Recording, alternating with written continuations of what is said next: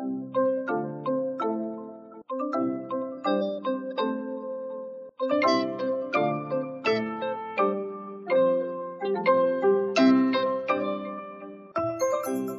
kawan cerita dua kepala, selamat pagi dan selamat beraktivitas. Sembari menikmati aktivitas kalian, pada episode kali ini kita akan membahas lanjutan tema pada dua episode sebelumnya. Nah, kali ini kita akan membahas tipe kepribadian koleris. Apa itu? Cerita dua kepala sudah merangkumnya dari berbagai sumber untukmu. Yuk, simak pembahasannya dan temukan apakah dirimu ada pada tipe ini.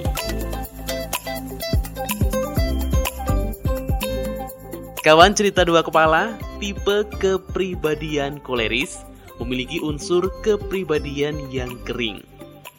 Maka seorang koleris dikenal karena pembawaannya yang emosional, logis, dan keras kepala. Biasanya, pribadi seperti ini banyak dipilih untuk menjadi pemimpin. Sebab, tipe keras kepala dan logis ini diharapkan dapat mengambil keputusan dengan tepat ketika menghadapi sebuah permasalahan. Selain itu, seorang kepribadian koleris memiliki ciri khas orang yang sangat berorientasi pada tujuan. Koleris juga dikenal sangat cerdas, analitis, sangat praktis dan langsung, mereka juga tidak harus menjadi teman baik atau orang yang ramah.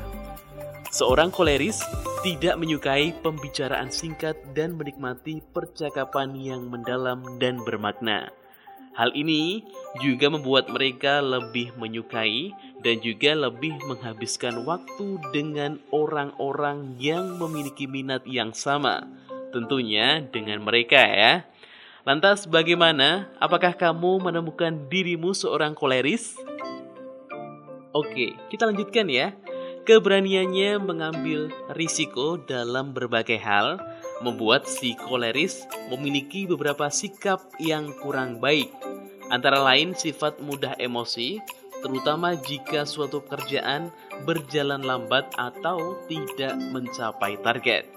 Keadaan ini sering kali membuat lingkungan koleris menjadi kurang nyaman. Nah, menghadapi ini, mungkin seorang koleris bisa memulai untuk melihat lagi siapa lawan bicaranya untuk menghindari kesalahpahaman. Untuk karir ideal bagi seorang koleris adalah pekerjaan terstruktur, antara lain pengelolaan, teknologi, statistik, teknik, dan pemrograman. Bidang-bidang tersebut dirasa cocok karena mempunyai sifat berorientasi target, terorganisasi dengan baik, serta pemecahan masalah yang praktis. Selain itu, dengan membuat target dan masih banyak lagi lainnya.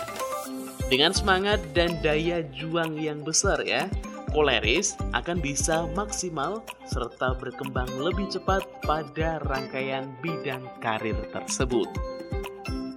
Nah, pertanyaannya, apakah kamu menjadi salah satunya? Jika masih belum, tenang ya. Masih ada satu pembahasan tentang tipe kepribadian ini yang tentunya akan dibahas pada episode mendatang. Jangan sampai kelewatan ya, tetap mendengarkan cerita dua kepala kali ini. Jangan lupa bahagia.